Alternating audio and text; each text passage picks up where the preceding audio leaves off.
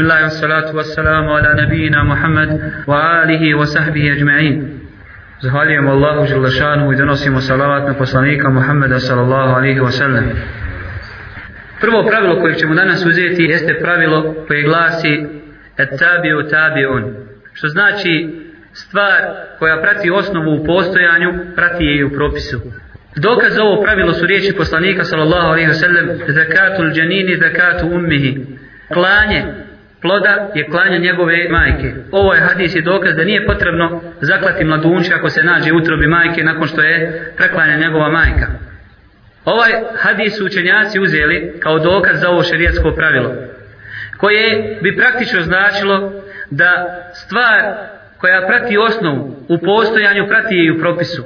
Ako čovjek kupi kuću, zajedno s tom kućom propis kupoprodaje ili kupovine ulazi sve ono što se u njoj nalazi. Ono što je u običaju određenog naroda se smatra da ulazi kao pratjeća stvar u tu kuću, ulazi i u propis, to jest postaje vlasništvom onoga koji je kupio. Zatim, ovaj primjer kojeg smo ovdje naveli, nije potrebno dva put vršiti šerijatsko klanje, ako je znači već preklana majka, nije obaveza preklati njeno mladunče. Ovo pravilo ima neka podpravila, a jedno od tih podpravila su riječi učenjaka yuhteferu fi tawabi ma la yuhteferu fi gajriha. Toleriše se u stanju praćenja ono što se ne toleriše u stanju samostalnosti. Na primjer, vama je poznato da nije dozvoljeno obavljati namaz za drugog. Čovjeku nije dozvoljeno klanjati za drugog, niti će taj namaz biti primjen.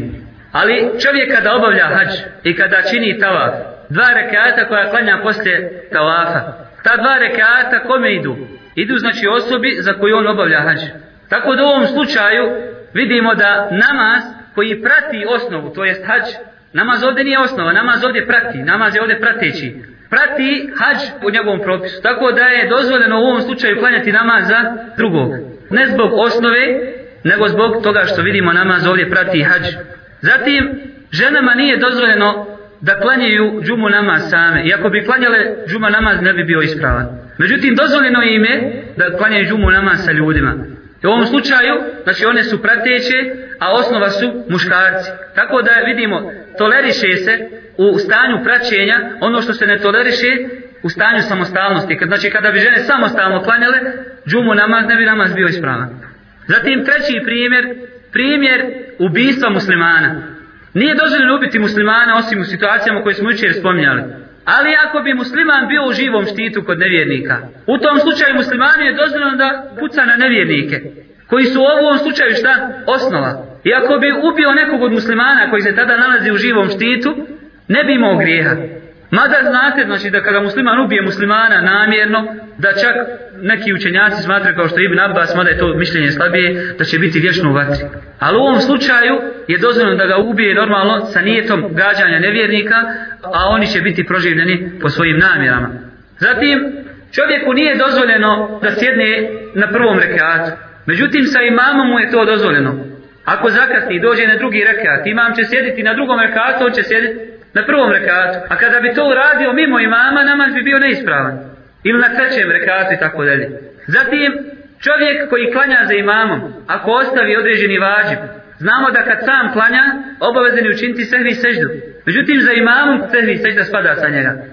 Vidimo znači da se u stanju praćenja toleriše ono što se ne toleriše u stanju samostalnosti. Mislim da vam je sad potpuno jasno o čemu se radi u ovome pravilu. Zatim, da navedemo još jedan primjer, zabranjeno je da čovjek kupi nepoznatu stvar, stvar koja mu je nepoznata, koja mu nije opisana, koju nije vidio tako dalje. Međutim, kada čovjek kupuje auto, poznato je da čovjek ne vidi sve dijelove tog auta. I kupuje nešto što mu je nepoznato. Ali ovdje su ti dijelovi prateći osnova je auto tako da čovjek vidi auto i njegov izgled vidi većinu njegovih glavnih dijelova. Tako da ti skriveni dijelovi za koje ne zna u ovom slučaju se toleriše njihova kupovina. To je značenje ovoga pravila. Drugo pod pravilo koje ulazi pod ovo veliko pravilo jeste en tabi jeskutu iza sekata al matbu.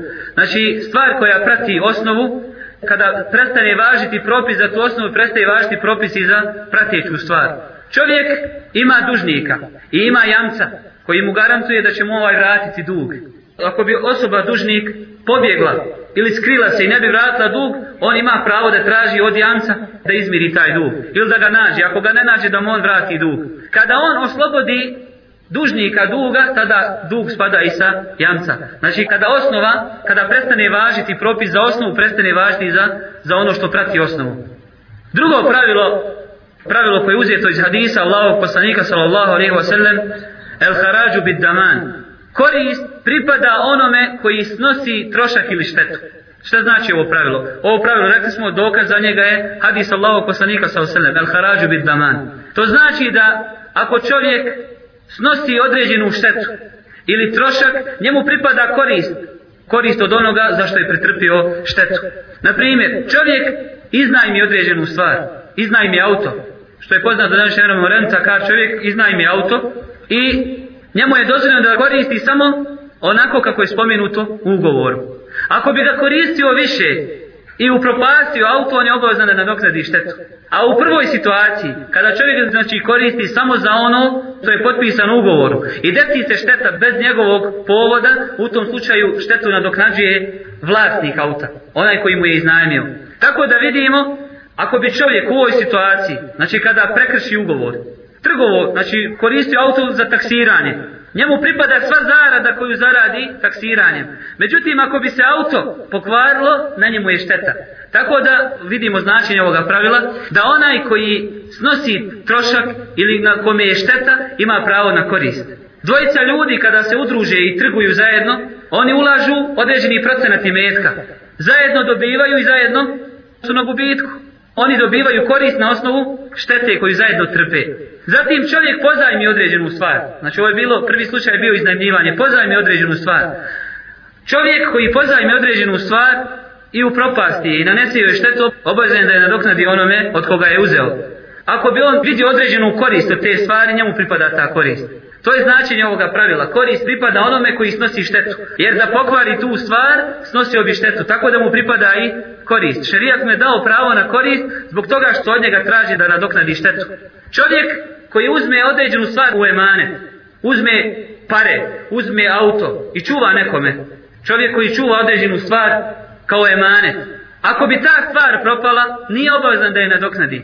Emanet ne nadoknađuje ako čovjek nije bio uzrok propadanja te stvari. Dobiješ 10.000 maraka na čuvanje i desi se da izgori soba i izgori novac. Sa tim čovjek nije obavezan da doknadi taj novac. Ako on nije bio uzrokom, ako ga nije ostavio na mjesto na kojem može biti upropašten.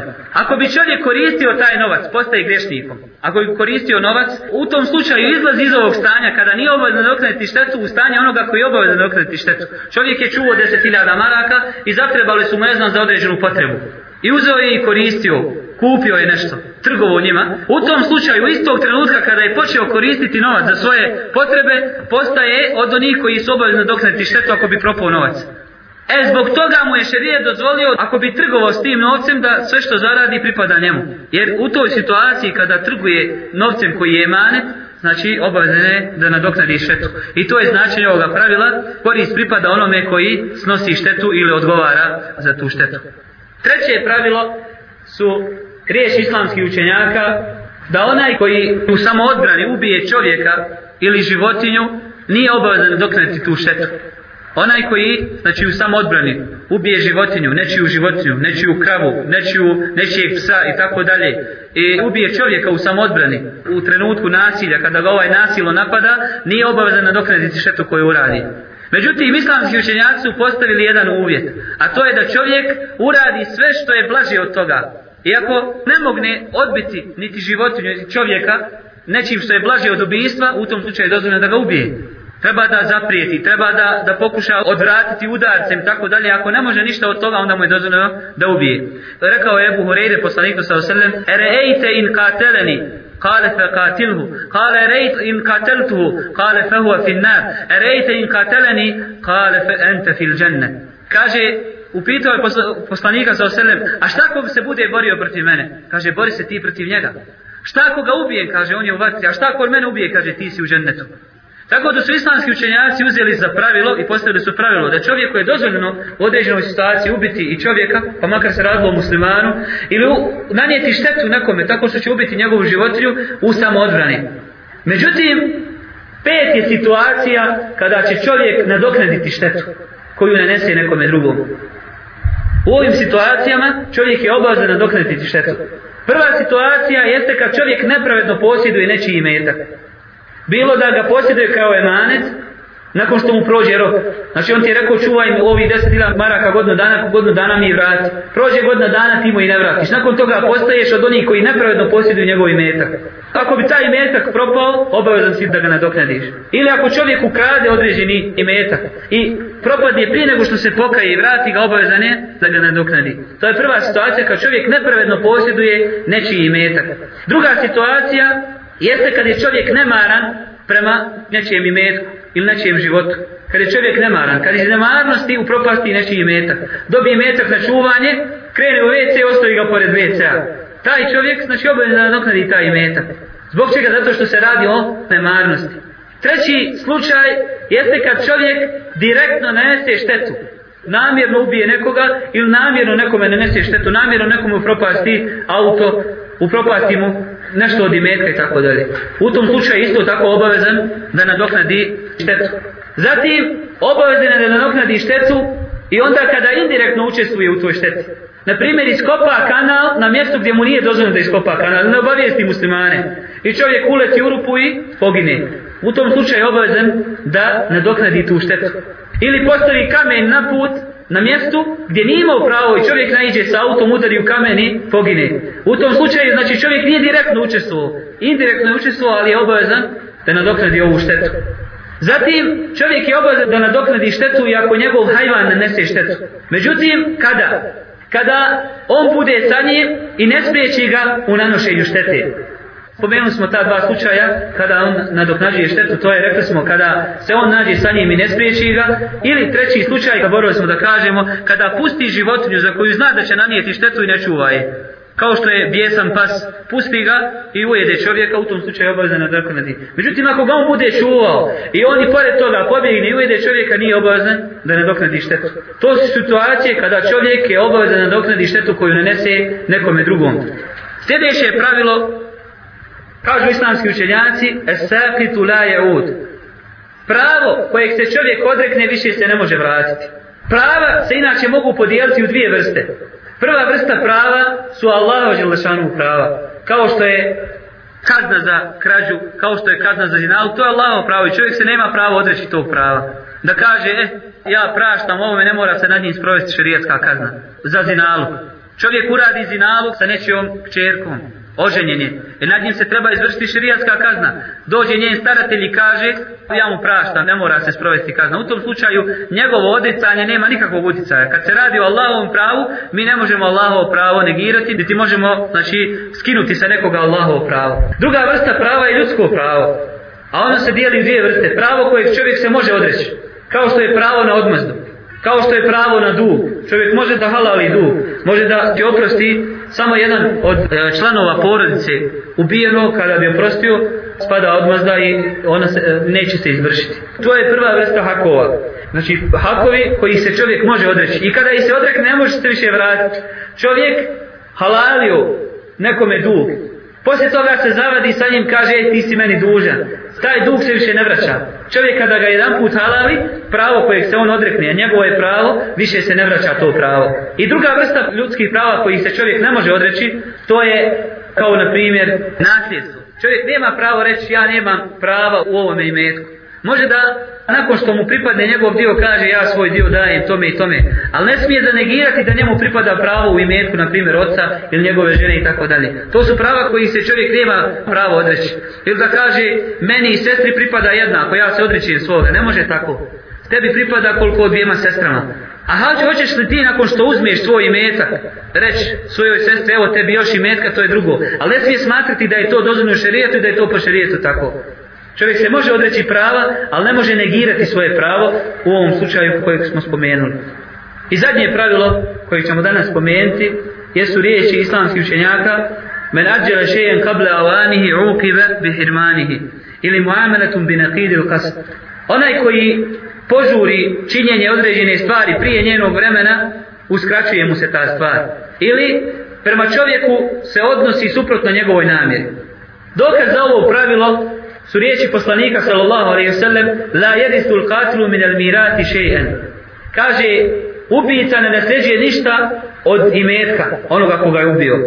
On je ubijstvom htio da požuri to nasljedstvo. Malo mu se oduljio život osobe koju on nasljeđuje i ubio je ne bi li što prije dobio nasljedstvo. Kažu učenjaci zbog toga mu se zabranjuje nasljedstvo. Onaj koji požuri određenu stvar prije njenog vremena kojeg je šerijat odredio zabranjuje mu se ta stvar. Ili odnos prema čovjeku suprotno njegovoj namjeri. On je imao namjeru da dobije nasljedstvo, a mi postupamo prema njemu suprotno njegovoj namjeri. Ne damo mu nasljedstva. To je jedan primjer. Primjer čovjeka koji na samrti razvede svoju ženu. Na samrti. Znači na samrti razvede svoju ženu. Uglavnom ljudi to rade na samrti da bi lišili ženu nasljedstva. Zato islamski učenjaci kažu da u ovoj situaciji žena nasljeđuje čovjeka. Makar je on razveo. Ona ga nasljeđuje zbog toga što čovjek na ovaj način pokušao da je spriječi da naslijedi. Zato kažu učenjaci Muameratum bin Akidil Kas. Prema njemu se odnosi suprotno njegovoj namjeri. Zatim treći primjer, primjer žene koja se uda u iddetu. Nije joj istekao pričak i uda se. Ima islamski učenjaka koji smatraju da se to dvoje trebaju razvesti i da im se više nikad ne dozvoli sklapanje braka. Mada je ispravnije mišljenje, ovo navodimo samo zbog primjera ovoga, kako bismo naveli primjer za ovo pravilo, mada je ispravnije mišljenje da se njih dvoje razvode dok prođe idet i poslije toga im je dozvoljeno da se uzmu. Ali vidimo da ima učenjaka i među njima je bio priznati i uvaženi ashab Omer radijallahu koji je ženu koja se udala u idetu, razveo je od čovjeka koji je oženio od drugog čovjeka i poslije toga im više nije dozvolio da se uzmu. Zatim, onaj koji pije alkohol na ovome svijetu, uskraćen će mu biti na onome svijetu. Onaj koji požuri određenu stvar prije njenog vremena, bit će mu uskraćena. Tako i onaj koji pije alkohol na ovome hamr koji pije na ovome svijetu, njemu će biti uskraćen na onome svijetu, poznato je da se spominje da će rijeke biti od vina i tako dalje, a to će biti vino od koga se ljudi neće opijeti i od koga neće glava boljeti. Danas je sa nama šerijatsko pravilo sa kojim se ljudi često susreću i koje je potrebno kada su u pitanju običaji. Pravilo glasi običaji se prihvataju. Šta je to običaj u šerijatu? Često čujemo običaj je kod nas, trebalo bi ovdje ipak gledat na običaj i tako dalje. Šta je običaj u šerijetu? Kad kažem običaji se prihvataju ili običaji se uzimaju za sudiju, na što mislimo kad kažem običaj? Kažu učenjaci u šerijetskoj definiciji običaja da je to stvar koja je ustaljena među ljudima i koju su prihvatile zdrave ljudske duše.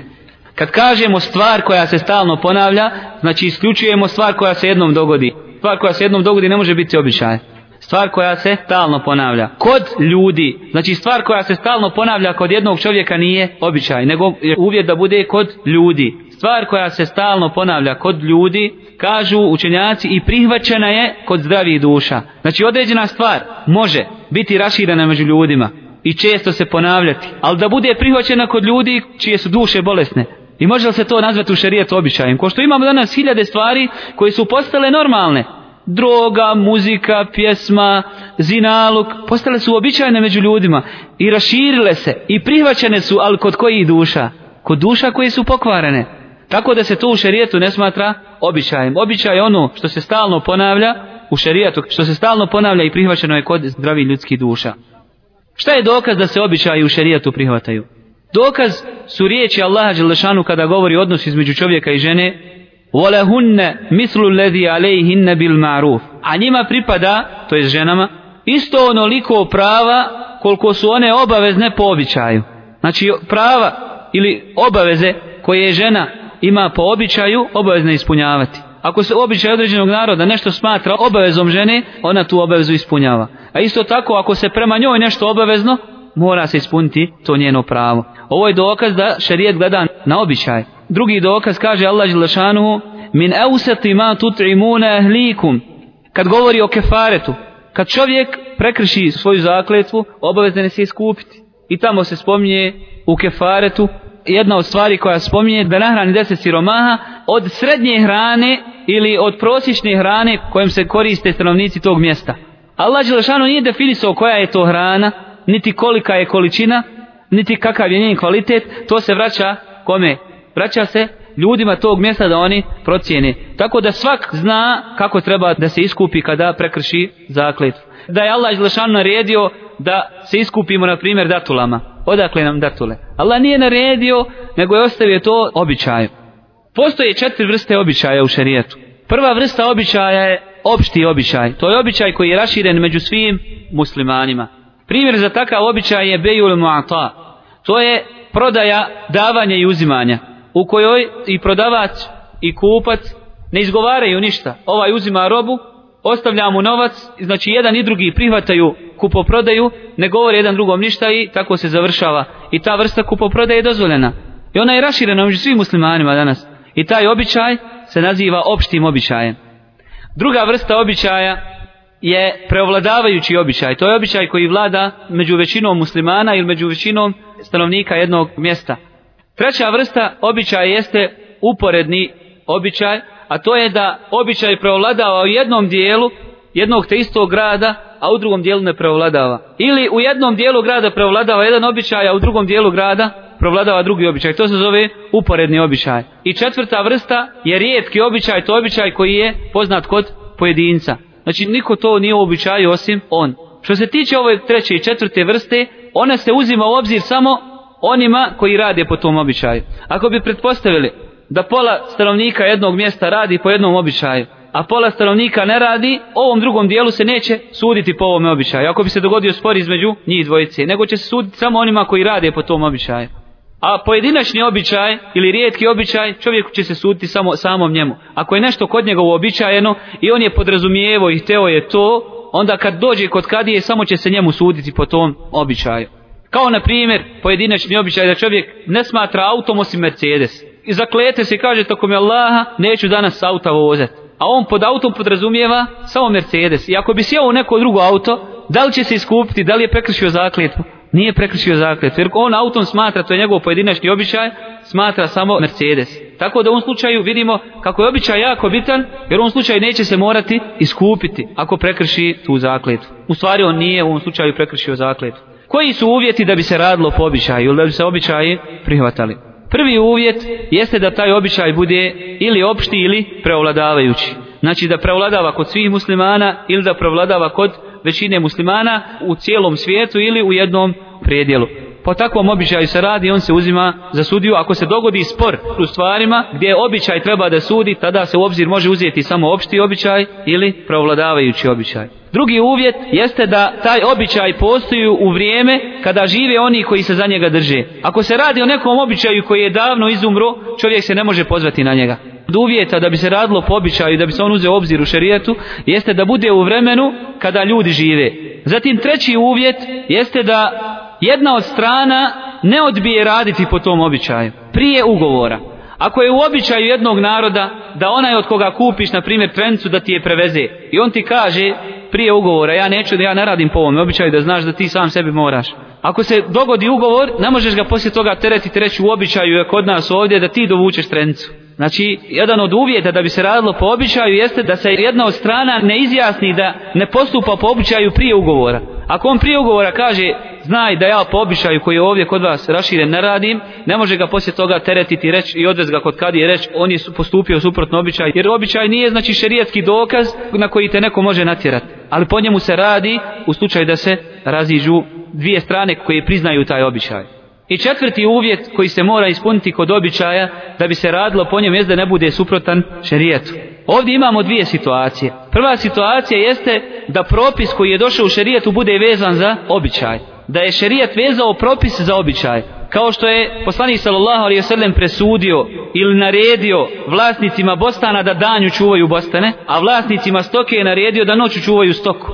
Tako da u njegovo vrijeme ako bi noću stoka nanijela štetu, čovjek bi bio obavezan nadoknaditi tu štetu. A danju ako bi nanijela štetu bez povoda, sama stoka ode, u tom slučaju vlasnik stoke ne bi nadoknadio štetu. Ako bi se promijenio običaj, znači takav je običaj bio vrijeme poslanika sa sve. Znači ako bi se desilo obrnuto, da vlasnici bostana noću čuvaju, a ovi danju čuvaju stoku, u tom slučaju bi se promijenio i propis.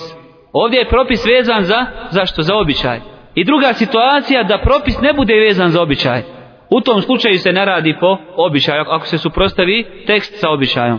Ako znamo da kuranski ili hadijski tekst nije propisan zbog običaja i nije vezao propis za običaj, u tom slučaju kada se suprostavi običaj tekstu iz Kur'ana i Sunneta, radi se po tekstu iz Kur'ana i Sunneta, običaj se odbija. Možemo navesti sljedeće primjere. Kod nas je običaj da žena izađe na greblje, na dženazu. Taj običaj je suprotan čemu? Jasnom tekstu u kome kaže Ebu Hureyre, Lane Rasulullah s.a.v. za iratil kubur. Poslanik s.a.v. je proklao žene koje zijarete kaburove. Iako je to običaj, međutim u ovom slučaju običaj je suprotan jasnom tekstu iz sunneta. Drugi primjer, kod nas je običaj da kada, kada ti dođe žena, komšinica, da se rukuje sa tobom. A taj običaj je suprotan jasnom tekstu iz sunneta. Pa malo prije smo spomnjali hadis, a Iša radijalan se zaklela da poslanikova ruka nikad nije dotakala ruku strankinje. A spomenuje i brat hadis da je čovjeku bolje da se probode šilom nego da dotakne tijelo žene koja mu nije halal, koja mu je strana. Ali kod nas je običaj tu, kod nas pada u zemlju, kaže kako ću ja izbjeći taj običaj, ja znam da je to zabranjeno. I čak šta više naše vođe to rade, vođe vjerske, pred kamerama, pred ljudima koje treba osvješćavati, vidimo i da se rukuju sa ženama i suprotno postupaju ne samo poslanikovom sunnetu, nego i hanefijskom mezhemu. E to nik od učenjaka nije dozvolio.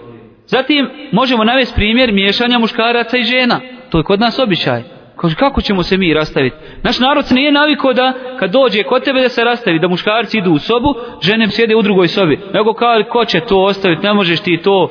Zbog čega? Taj pogani običaj, zato što je svak, da Allah sačuva, naučio da gleda tuđu ženu. I on je izgubio ljubomoru prema svojoj ženi. Izgubio osjećaj da je to njegova žena. Izgubio osjećaj da ona njemu treba da se sređiva. Da ona njemu treba da se smije, a ne tamo nekom komši i tako dalje. Ali naši ljudi su navikli. Jer je umrla ljubomora i onda čovjek više nema osjećaja da se on nalazi u braku sa datom osobom i tako dalje. Jer vidimo da je umrla ljubomora zbog ovih stvari. I to je običaj koji je suprotan jasnim hadisima. Ili dizanje, ne znam, spomenika nad kaburovima. Je običaj koji se raširio među muslimanima. Međutim, u hadisu kojeg bilježi imam Buharija, kaže Ali radijallahu anhu, emereni nebiju sallallahu alaihi sellem la tada timthalem illa tamesta, wala kabren mušrifen illa sawaita Kaže Ali radijallahu anhu, u hadisu kojeg bilježi imam Buharija, poslanik mi je naredio da ne ostavim nijednog uzdignutog kabra da ga ne izravnam i nijednog kipa da ga ne srušim ili da ga zašaram. Ja sam dokaz onima koji su nedavno išli braniti rušenje kipova u Afganistanu hadis jasan. A oni kažu, to je rušenje kulture, kad su srušeni kipovi čafirski koji su visoki po 70 metara, što je jedno od Allahu najdražih dijela, jer poslije toga Afganistanu u kome je bila suša, dugo vremena Allah im je dao kišu. Skoro su poplave bile. A kada su pitali učenjake šta je problem, šta da radimo, nemamo kiše, kaže srušite kipovi, Allah će vam dati kišu. I dolaze onda ljudi kažu, to je zato što je UNICEF poslo, jer za UNICEF-a je to kultura, kultura da se, da se klanjaš kipu. A kada dođu ljudi koji obožavaju Allaha, kaže ovo su ekstremisti, ovo su teroristi, ovo su ovakvi, oni su iznimci u društvu. Ako hoćeš da obožavaš samo gospodara svjetova, iznimci u društvu. A ako hoćeš da obožavaš kipove i da se klanjaš kipovima, što najbudalastiji čovjek zna da je zabranjeno i da je suprotno zdravoj pameti, kaže to je kultura, to je tradicija, A zašto nama ne dozvolite da se držimo svoje tradicije? Kad kažemo da se naša žena pokriva, to je naša tradicija. Ne samo tradicija, to je naša vjera. Kad kažemo da nećemo to i to, to je naša vjera. Ali svakom dozvoljavaju tradiciju i kulturu, samo nama ne dozvoljavaju. Ali naši ponaj, poniženi muslimani prihvataju svačiju drugu kulturu samo od svoje bježe. Svačiju drugu civilizaciju prihvataju samo od svoje bježe. I odriču se onih koji im kažu, počekajte, pa vidite da se ovi vraćaju u vrijeme, židovi dan danas ne zaboravljaju hajber. Kad je on bio? Ali mi pokolj koji nam se sada dogodio, možda ga većina muslimana zaboravila. Mi se ne sjećamo onoga što nam je bilo prije deset godina, a židovi se sjećaju onoga što je bilo u vrijeme poslanika sa sele kada je poslanik postrojio na Hajberu. Nije zbog toga što je poslanik sa selem ubio ljude nepravedno, nego zato što su iznevjerili ugovor koji je poslanik sa selem sa njima sklopio. I vidimo muslimana danas da svemu pridaje više pažnju nego svome da svemu više pridaje pažnje nego svojoj kulturi i tako dalje. Tako da mi kada kažemo zabranjeno dizati spomenike iznad kaburova, nismo to mi izmislili, nego hadis vjerodostojan u kome Alija kaže ono što smo malo prije spomenuli, da mu je poslanik sa osalem naredio da to uradi. A mi danas vidimo naši kaburovi naliče na kaburove kršana, gdje je sve isto, dižu se spomenici, prave se isti natpisi, ljudi se čak fale, kaže Allah Želešanu el hakumu takasuru hatta zurtumul mekabir kaže i ljude neprestano obuzima želje za pohvalama i zahvaljenjem sve dok ne nasele kaburove Kažu učenjaci da jedno značenje ovoga ajeta, kaže čak se hvale i u kaburovima. Imao sam ja, kaže, dedu tamo nekog, hvali se mrtvacima koga više nema. Ili se hvale kaburovima, kaže, koliki sam ja nišan majici svojoj podivo. Znači, ljudi više nije im ostalo ničim da se hvale, osim sa nečim u čemu oni nemaju nikakvog udjela. To je ova četvrti uvjet koji mora da se ispuni kada je u pitanju običaj, a to je da običaj ne bude suprotan jasnom kuranskom i hadijskom tekstu. Gdje se sprovodi običaj? Gdje se radi po običaju u šerijetu? Prije svega po običaju se radi u uopštenim šerijatskim propisima koji nisu ograničili i definirali određene stvari. Niti količinom, niti vrstom. Kao što je, na primjer, kabd, prihvatanje. Poznato je da čovjeku nije dozvoljeno prodavati određenu stvar dok je ne prihvati. Poznato je da nije dozvoljeno da se prilikom ugovora razmjene novca, razmjene zlata mora biti kabd iz ruke u ruku. Međutim, taj kabd ili uzajamno prihvatanje nije strogo definisan u svim stvarima. Tako da se može vratiti u njemu na običaj. Ono što se u običaju jednog muslimanskog naroda smatra prihvatanjem, ako nije definirano šerijetom, onda se on može uzeti u obzir. Znači prvo mjesto ili prvo polje gdje se običaj može uzeti za sudiju su uopšteni propisi koji nisu definirani.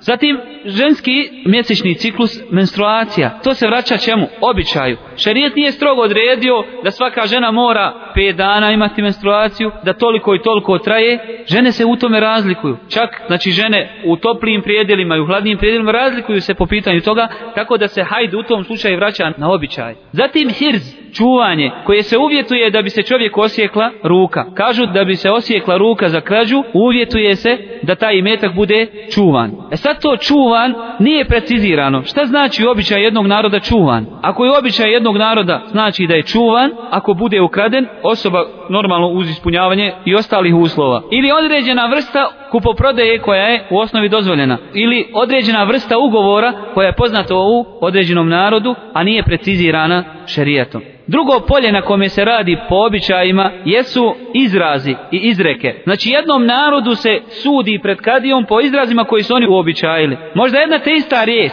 u dva različita mjesta se koristi sa različitim značenjem. Tako da ako čovjek izgovori određenu riječ, kad je prvo što će ga pitati, pitaće ga šta si mislio pod tom riječu, jer ta riječ ima dva značenja. I on kaže mislio sam to. I njemu se sudi po onome što je u njegovom običaju. To je drugo polje gdje se koriste običaj. Zatim treće polje jeste da se običaju ili onome što je običajeno daje status onoga što je izgovoreno ono što je uobičajeno, daje mu se status i karakteristika onoga što je izgovoreno. Ako je u običaju jednog naroda da za vrijeme proslave se otvore vrata, svaki onaj koji naiđe pored tih vrata može ući, bez pitanja, bez da mu neko kaže uđi. Znači ovaj običaj otvaranja vrata ima status riječi uđi, ne mora reći uđi. Ili primjer iznajmljivanja kuće ili iznajmljivanja stana. Kada ti čovjek iznajmi stan po običaju, on ti dozvoljava da se njime koristiš da nekoga drugog sa sobom smjestiš ili da ga ti nekome drugom iznajmiš. A nije ti to ništa rekao u ugovoru. Jer samo davanje u vlasništvo da raspolažeš tim stanom samo davanje, sam taj postupak daje ti pravo. S time normalno rekli smo ako je to običaj naroda ako to nije običaj, ako ta osoba ne radi po tom običaju, to je drugo. Ali u većini slučajeva je tako. Zatim u običaju isto tako da kada ti čovjek dozvoli ulazak u kuću ili u sobu on ti faktički dozvoljava da koristiš hranu koja se nalazi na stolu. Nije ti rekao posluži se ali kada ti dozvoli ulazak u sobu, dozvolio ti je da se poslužiš hrano i da se možda poslužiš telefonom ako se ne radi o nekom razgovoru koji će mu nanijeti veliku štetu, donijeti mu znači, troškove i tako dalje, da se koristiš WC-om, sve to, a nije ti ništa od toga spomenuo kada ti je dozvoli ulazak u kuću. Zato što običajna dozvola ima status izgovora jezikom.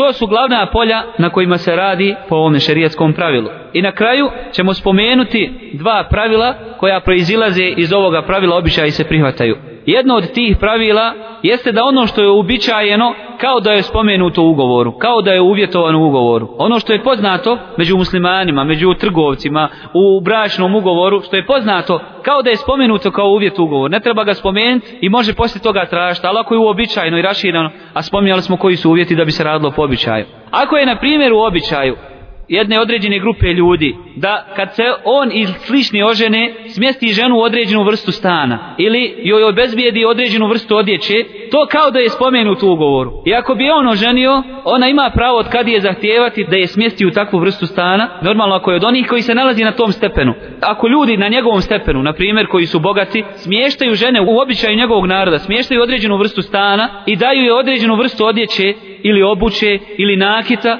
ona ima pravo zahtijevati kada se sklopi brak da je on, on to obezbijedi. Kažu učenjaci, ono što je poznato u običaju naroda ima status onoga što je uvjetovano u ugovoru. Ono što je rašireno među trgovcima i poznato je među svim trgovcima. I sada dvojice trgovaca sklapaju ugovor i ne spomenu tu stvar koja je među njima poznata. Ona kao da je uvjetovana u ugovoru. I može poslije da kaže, poznato je da je to i to ugovoru. Poznato, svi trgovci tako radi. Normalno ako se radi o dozvoljnoj stvari. To je značenje ovoga pravila. Ako bi u običaju jednog naroda bilo da žena kad se uda ostane kod svojih i poznat je čovjek u taj običaj i raširen je, mada kod nas nije raširen, ali ako bi bio poznat, u tom slučaju žena ima pravo da, kao da je uvjetovala to ugovor i kaže, ostajemo kod moji, on kaže, ne idemo u mojoj kući. Kod nas u običaju je tako. Znači ima pravo da zahtijeva od njega ostana kod kuće ako je običaj. Znači ako je običaj naroda, a i ako nije uvjetovala. Mada kod nas nije taj običaj, ali naveo sam kao primjer, jer taj običaj postoji na određenim mjestima među muslimanima. I drugo pravilo, da je napisano kao izgovoreno. Drugo pravilo koje proizilazi iz ovoga pravila običaja i se prihvataju, kažu učenjaci, napisano je kao izgovoreno, u što se tiče propisa. S time da se moraju ispuniti sljedeći uslovi. Da osoba koja je napisala, napiše to na jasnom predmetu na kojem se inače piše. Ako bi čovjek napisao o ženi u havi, napisao je razvedena si, napisao u havi, znači ono što na čemu nije uobičajeno da se napiše, to se ne bi smatralo razvodom. Ali ako bi napisao na papiru, po mišljenju znači islamskih učenjaka, ona bi bila razvedena nakon što se upita za nijet. Da li ima nijet da bude razvedena. To je prvi uvjet. To što je napisano bude napisano na jasnom predmetu koji se koristi za pisanje. Ako bi napisao isto tako na kori drveta, ako bi napisao na mjestima na kojima se inače može napisati. Na vodi ako bi napisao isto tako se ne priznaje. Ako bi čovjeku napisao na vodi nakon što ja umrem tebi pripada jedna trećina mog imetka. Znači ne bi se, ne bi se priznalo. To je prvi uvjet. Drugi uvjet je da se zna od koje osobe dolazi. Da se spomene njegovo ime. Od toga i toga se piše poruka tome i tome. A to je ujedno i treći uvjet da se zna osoba kojoj piše i da bude odsutan. Nije dozvoljeno kada dvojica sklapaju ugovor i kadri su da izgovore u ustima, riječima da se dogovore i napišu, nijedan od njih ne govori, mogu to uzeti kao potvrdu, ali u ovom slučaju se mora raditi o iđabu, o kabulu, da jedan kaže prihvataš, drugi kaže prihvatam i tako dalje. Na osnovu ovoga, ako bi čovjek sklopio ugovor bio odsutan van Sarajeva, bio u nekom drugom gradu. Napisao u pismu da sklapa određeni ugovor sa nekim čovjekom, neki kupoprodajni ugovor, da udaje svoju kćerku, da razvodi svoju ženu i tako dalje s time da se moraju ispuniti oni uslovi. U tom slučaju se u šerijetu uzima u obzir. Ako bi ti neko napisao selam, selam aleikum na papiru, obavezan si da mu odazoveš. Kada dobiješ pismo, obavezan si kao da ti je rekao, jer znamo da musliman, musliman mora odazvati selam. I slični drugi primjeri. بسم الله والصلاة ala على نبينا wa ala alihi wa sahbihi. U ovom zadnjem času iz opštih šarijatskih pravila uzet ćemo tri pravila, među kojima je prvo riječ islamskih učenjaka el wasailu ta'hudu hub ahkam al maqasid. Sredstva uzimaju propis ciljeva. Inače postupci koje čovjek čini dijele se u tri vrste. Prva vrsta su el maqasid ili oni postupci koji su sami sebi svrha i sami u sebi sadrže koristi mogu se namjeravati kao što je namaz, kao što je džihad. To su postupci koji sami po sebi su cilj i sami u sebi imaju koristi. To je prva vrsta postupaka. Druga vrsta postupaka su el-vesail, sredstva. To su postupci koji nisu sami sebi svrha, nego se čine radi nečega drugog. I to nešto, to jest mekasid, ova prva vrsta, neće biti upotpunjena bez ove druge vrste, bez vesaila, kao što je abdest abdest nije svrha sam sebi, nego zbog namaza. Izlazak u borbu na Allahu Želšanu putu nije sam sebi svrha, nego radi borbe. Pripremanje za borbu, pripremanje oružja, pripremanje ljudstva. Nije sam sebi svrha, nego da bi bila borba na Allahu Želšanu putu uspješna. I treća vrsta postupaka su ezzevaib, to su postupci koji se događaju nakon upotpunjenja dijela kao što je vraćanje iz borbe, kao što je vraćanje sa namaza i tako dalje. Šta znači ovo pravilo? Ovo pravilo znači da sredstva koja vode haramu su haram. Sredstva koja vode kruhu su mekruh. Sredstva koja vode nečemu što je lijepo su lijepa ili mustahab.